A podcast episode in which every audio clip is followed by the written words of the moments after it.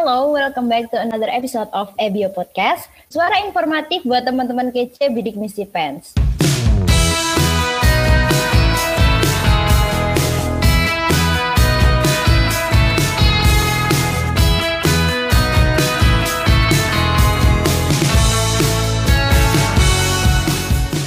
Halo teman-teman semua, kenalin Aku Niken Aiskar Melati, biasa dipanggil Niken. Aku dari kelas 1 Multimedia Broadcasting A, angkatan 2020. Yap, angkatan Corona pertama. Selamat datang di episode pertama EBO Podcast Season 2. Kali ini kita kedatangan tamu spesial nih. Salah satu mahasiswa PENS yang udah pernah ke Korea. Bukan karena liburan atau main, tapi berprestasi loh teman-teman. Dan baru-baru ini juga kembali mengharumkan nama kampus nih. Langsung aja ada Mas Yuda Sadewa. Halo Mas Yuda. Halo Mbak Niken. Wah iya, gimana nih Mas kabarnya? Alhamdulillah, sehat sih kabarnya. Alhamdulillah, baik. Sebelum kita bincang-bincang lebih lanjut, mungkin bisa perkenalan singkat dulu deh Mas, sambil menyapa teman-teman semuanya. Silahkan Mas. Ya, um, terima kasih atas nih, undangannya ya di podcast ini. Jadi terima kasih waktunya. Halo teman-teman semua. Semoga kabar teman-teman baik semua di, di rumah ataupun yang sedang berada di luar. Kenalin nama aku Yuda Sadewa. Aku dari program studi Teknik Mekatronika uh, angkatan 2017. Kebetulan ini adalah tahun terakhirku di kampus. Jadi uh, kesibukanku sekarang fokus ngerjain tugas akhir sama ngelakuin beberapa aktivitas di kampus. Ya, itu cukup sih. Wah, semangat ya Mas untuk uh, mengerjakan tugas akhirnya. Yap, terima kasih banyak. Kalau boleh tahu nih Mas, dulu motivasi Mas Yuda memilih PEN sebagai langkah selanjutnya dan play bidik misi itu apa sih Mas? Mungkin boleh dibagikan ke teman-teman pendengar kita semuanya nih. Silahkan Mas. Oke, okay, um, jadi dulu sih awalnya aku nggak tahu pens itu apa ya maksud dan di mana gitu. Yang jelas yang aku tahu waktu itu ada ITS gitu, ada ITB. Nah, um, ternyata setelah uh, ada informasi bahwa ada dulu waktu di zamanku ada namanya PMDK Nah, jadi di PMDK itu ada beberapa list. Jadi PMDK itu kan untuk politeknik ya, uh, jalur undangan untuk politeknik. Jadi ada beberapa list kampus. Nah, ternyata di situ ada ada PENS gitu. Nah, PENS itu apa? Jadi aku cari tahu ternyata kampus politeknik nomor satu di Indonesia gitu. Nah, jadi tertarik untuk daftar kampus PENS untuk jalur setelah uh, pendidikan sekolah menengah kejuruan. Jadi aku SMK dulu. Jadi aku daftar di PENS, ternyata alhamdulillah keterima gitu. Nah, untuk memilih uh, apply di bidik misi waktu itu uh, ternyata ketika kuliah itu aku merasa uh, awalnya waktu masuk kuliah itu aku belum bergabung di bidik misi nih uh, Mbak Niken. Jadi uh, awal kuliah aku masih uh, tanpa beasiswa atau tanpa bidik misi, tapi uh, alhamdulillah waktu itu di akhir-akhir uh, semester 1 di tingkat awal ada tawaran untuk bidik misi karena waktu itu aku sedikit uh, tidak bisa untuk uh, memenuhi keuangan di kampus dan ada tawaran dari kampus untuk join di bidik misi dan alhamdulillah diterima di bidik misi gitu. Itu cerita singkatnya. Keren juga nih. Lalu baru-baru ini kan tim dari Mas Yuda yaitu EEPISAT berhasil masuk top 6 Worldwide Chamsat American Astronautical Society. Itu kayak how was your feeling sih Mas? Kayak gimana sih rasanya udah melalui proses yang panjang sampai akhirnya tuh ada di titik ini gitu? Ya, yang pasti alhamdulillah banget pertama. Dan yang pasti paling dan paling utama adalah rasa syukur kepada Allah Subhanahu wa taala ya. Karena bisa dapat peringkat 6 bareng sama negara dan universitas yang keren-keren banget yang mana juga mereka ada yang universitasnya juga udah bergerak di bidang aerospace gitu. Apalagi kita politeknik pertama gitu yang uh, hadir turut dan ikut serta lolos di kompetisi tersebut. Tambah lagi kita pendatang gitu. Setelah kompetisi ini diadakan di tahun 2014 sampai sekarang gitu kita pendatang dan kita bisa dapat di peringkat 6 itu adalah anugerah yang luar biasa bagi kami bagi tim Bamantara Episat gitu. Yang mana awalnya target kami mencapai final itu udah sangat cukup sudah sangat cukup karena ini adalah langkah awal yang mana uh, tujuan atau tahapan generasi selanjutnya untuk mencapai jauh lebih baik daripada hanya sekedar sampai final gitu. Karena waktu itu udah sampai final, akhirnya kita punya target baru mencapai final bareng sama universitas-universitas dan uh, apa namanya institusi yang ada di luar di final stage kita targetnya masuk 10 besar doang gitu. Paling enggak minimal atau maksimal itu peringkat 10. Ternyata effort yang diberikan sama teman-teman tim itu jauh daripada itu sehingga Allah kasih bonus kita di peringkat 6 gitu. Ya, jelas uh, speechless tapi harus sangat disyukuri gitu. Gitu, Mbak. Keren banget ya Mas. Saya ikut ikutan speechless yeah. Lalu dulu lomba pertama yang diikuti sama Mas Yuda tuh apa sih Mas? Dan mungkin apakah ada lomba yang paling berkesan yang pernah diikuti? Oke, okay. Kalau lomba pertama sih waktu itu ini untuk gabung di PENS nggak? Atau sebelum itu? Waktu udah tergabung di PENS. Oh, Oke, okay. kalau tergabung di PENS waktu itu sih iseng-iseng ikut ini lomba land follower di Semarang, tapi kalah karena waktu itu ada kejadian sesuatu yang waktu kita tanding jadi kita kalah. Hmm, tapi kalau untuk yang berkesan untuk tingkat nasional itu uh, di ITB waktu itu di ITB karena waktu itu di tahun 2018 awal boomingnya industri 4.0 itu ada kompetisi industri automation. Nah pesertanya itu ya ngeri-ngeri gitu dari Swiss German University, tuan rumahnya pastinya ya ITB, ada UGM, ada tetangga kita ITS dan lain-lain gitu. Nggak nyangka juga karena cuma modal optimis, doa sama usaha, yakin gitu tawakal sama Allah Subhanahu wa taala, akhirnya waktu pengumuman dapat juara satu. Nah, tapi kalau di internasional ada beberapa uh, kegiatan di internasional tapi yang paling sangat-sangat berkesan ya jelas kompetisi yang terakhir kemarin yaitu bareng sama tim Bamantara Pisat di eventnya Kansat gitu. Tapi kalau harus ditanya mana yang paling berkesan ya jelas Kansat karena ini kali pertama timnya fans pertama kali Indonesia dan pertama kali Politeknik di Indonesia yang lolos internasional dan sekaligus menjadi penutup karir bagi aku sendiri di PEN sebelum lulus ya. Cuma sayangnya nggak berangkat ke Amerika aja jadi itu efek karena pandemi gitu. Itu sih Mbak. Wah, keren banget ya Mas Juda ini. Lalu jika dilihat dari pengalaman Mas Yuda, ada beberapa perlombaan bertaraf internasional yang udah diikuti sama Mas nih. Mungkin bisa diceritain gimana sih Mas kok Mas bisa tahu gitu ada perlombaan itu, terus memutuskan untuk ikut dan bagaimana proses yang ada di dalamnya itu gimana sih Mas? Oke, okay, um, mungkin apa namanya kalau Mbak tadi adalah angkatan corona katanya ya gitu. Tapi kebetulan waktu itu saya masuk uh, masih offline dan kita masih bisa beraktivitas di kampus. Jadi hobi yang paling saya sering lakukan adalah ketika datang ke kampus atau ketika melakukan perkuliahan, uh, aku sangat hobi banget untuk uh, baca mading gitu. Baca mading biasanya mading yang ada di D3.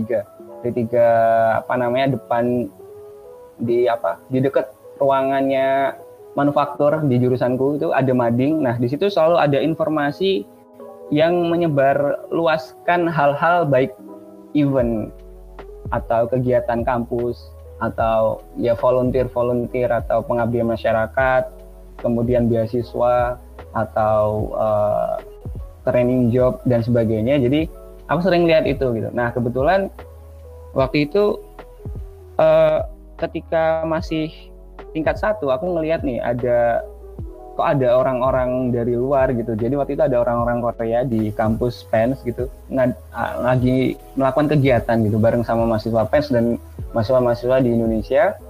Nah ternyata waktu aku cari tahu, ternyata mereka melakukan kegiatan yang bernama Project B atau biasanya dikenal sama teman-teman PENS itu Creative Station gitu. Yang mana kegiatan itu adalah kegiatan volunteer internasional untuk pengabdi untuk apa namanya uh, volunteer di sekitar daerah yang sudah ditentukan. Nah, karena ternyata hobi ngebaca mading itu ngebuat aku terbawa untuk ingin join juga ke Creative Station itu atau Project B itu. Nah, uh, ternyata di tahun kedua aku di kampus PENS, Creative Station itu ngebuka untuk apa namanya mahasiswa tingkat dua gitu. Akhirnya aku daftar, waktu itu yang diterima ada enam orang, termasuk aku sama teman-teman yang lain. Nah, uh, setelah volunteer itu selesai, dari kegiatan itu mungkin sekitar satu setengah bulan kemudian ada event lomba di Korea Selatan, yang mana itu informasi atau event itu didapatkan untuk uh, teman-teman yang join di Creative Station gitu. Namanya uh, Engineering Education Festa atau Edu Festa yang diikuti sama beberapa negara apa namanya di dunia gitu. Nah waktu itu mungkin yang paling jauh dari Amerika Serikat. Nah uh, dari event yang kita ikuti, alhamdulillah kita dapat uh, gold medal atau juara satu waktu itu dan setelah itu juga alhamdulillah produk yang kita buat atau yang kita buat sebagai prototype waktu itu dikenal oleh beberapa kalangan atau masyarakat Indonesia baik dan juga dunia melalui stasiun televisi nasional dan juga berita-berita internasional. Ya. Itu awal mula pertama kali sih apa namanya bisa ikut kegiatan internasional. Wah, berarti cara memulainya versi Mas Yuda ini kayak sederhana banget ya, suka membaca, akhirnya nanti hati itu akan tergugah dengan sendirinya gitu ya mas Yap, uh, tapi juga harus diiringin sama ini juga sih, sama tekad gitu. Maksudnya ya nggak okay, cuman nggak cuman ini aja, nggak cuman apa namanya, nggak cuman mau ikut-ikutan aja, tapi ikut itu kan juga punya tujuan gitu. Oke. Okay. Lalu jika dilihat Mas Yuda ini kan termasuk mahasiswa yang cukup aktif dalam berkegiatan nih Mas. Gimana sih cara Mas Yuda buat mengatur waktu antara pendidikan, prestasi dan juga organisasi Mas? Hmm, gimana ya? Um, oh ya, kalau diinget-inget itu waktu itu untuk ngatur waktu sih karena dulu waktu tingkat satu itu kan depends ada namanya LKMM pratingkat dasar dan sama LKMM tingkat dasar waktu itu. Aku ikutnya cuma dua itu. Nah, uh, dua LKMM itu kan dua hal yang terkait manajemen diri atau gimana sih cara kita ngatur waktu terhadap kita ya bisa diimplementasikan di tempat kuliah kita gitu. Nah, uh, dan kebetulan alhamdulillahnya gitu uh, waktu itu dapat predikat king di apa namanya di LKMM tingkat dasarnya. Nah, artinya kan kalau misalnya dapat king, dapat predikat, berarti kan harusnya didefinisikan itu sudah paham terhadap materi yang disampaikan oleh pemateri. Padahal enggak gitu ya. Padahal tetap kesulitan untuk mengatur waktu kuliah dan kegiatan-kegiatan yang lain dan aktivitas-aktivitas yang lain.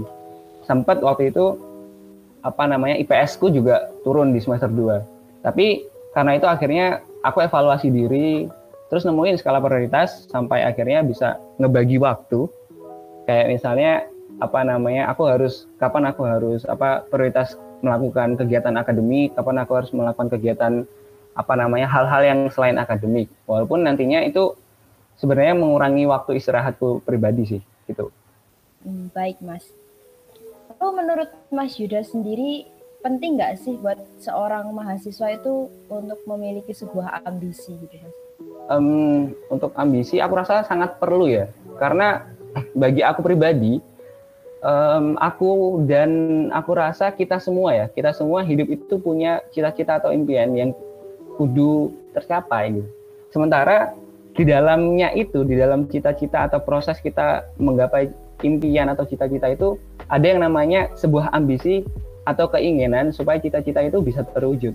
Kalau enggak, kalau enggak ada ambisi nih, pastinya kita nggak punya cita-cita gitu. Itu pada intinya sebuah ambisi yang harus apa namanya yang harus dimiliki sama mahasiswa. Apalagi mahasiswa datang ke kampus itu juga nggak hanya belajar gitu. Apa sih yang aku harus temukan terhadap apa yang aku lakukan di kampus ini, apa yang aku sukai, terhadap hal yang disukai itu adalah sebuah ambisi gitu. Tanpa ambisi kita tidak akan melakukan suatu hal yang memiliki effort. Lalu lomba cansat yang baru aja diikuti sama Mas Yuda kan sama Mas Yuda dan tim kan bertepatan di masa pandemi nih Mas. Mungkin apa ada tips and trick buat kita supaya tetap produktif meskipun ada di situasi yang penuh keterbatasan ini Mas? Hmm, untuk tetap produktif sebenarnya banyak cara ya di masa-masa pandemi kayak gini. Tapi juga tetap jaga kesehatan, pasti itu. Karena sekarang kan banyak webinar yang bisa buat kita berkembang, Mbak. Dari materi-materi yang ditawarkan atau tema-tema yang kita sukai gitu, kita bisa memilih gitu. Nah, banyak kemudian daripada pelatih uh, webinar-webinar itu juga banyak pelatihan-pelatihan gratis. Misalnya kita yang nggak bisa apa namanya, aku misalnya apa nggak begitu lancar bahasa Inggris, bisa ikut pelatihan bahasa Inggris untuk TOEFL, IELTS dan sebagainya. Lalu apa namanya apalagi sekarang udah banyak tutorial-tutorial di YouTube yang buat kita bisa belajar tentang mungkin kita ingin fokus ke jurusan kita sehingga kita harus mahir terhadap disiplin ilmu yang kita tekuni gitu atau kita juga ingin ngedengerin hal-hal yang menarik dari biografi orang-orang dari YouTube atau dari podcast-podcast yang lain juga gitu mbak. Salah satunya juga ngedengerin podcast ini gitu ya. Itu apa namanya salah satu halnya juga. Kemudian ngebuka jejaring koneksi. Karena sekarang kan apa koneksi itu bisa dibangun dari mana-mana gitu. Ada sosial media Instagram kemudian ada Facebook ada apa lagi? Ada yang lain-lain ya. Maksudnya intinya bi bisa baik sama orang lokal maupun inter internasional aku rasa gitu. Nah kebetulan uh, untuk aku juga mungkin karena sekarang juga lagi ada di kampus aku bareng sama mahasiswa yang juga produktif dan juga keren-keren yang mereka juga lagi persiapan buat ngebawa nama fans baik nasional maupun internasional kebetulan juga tadi yang aku katakan aku ngikut uh, Project B di sini juga ada teman-teman Project B yang persiapan untuk volunteer mereka di internasional.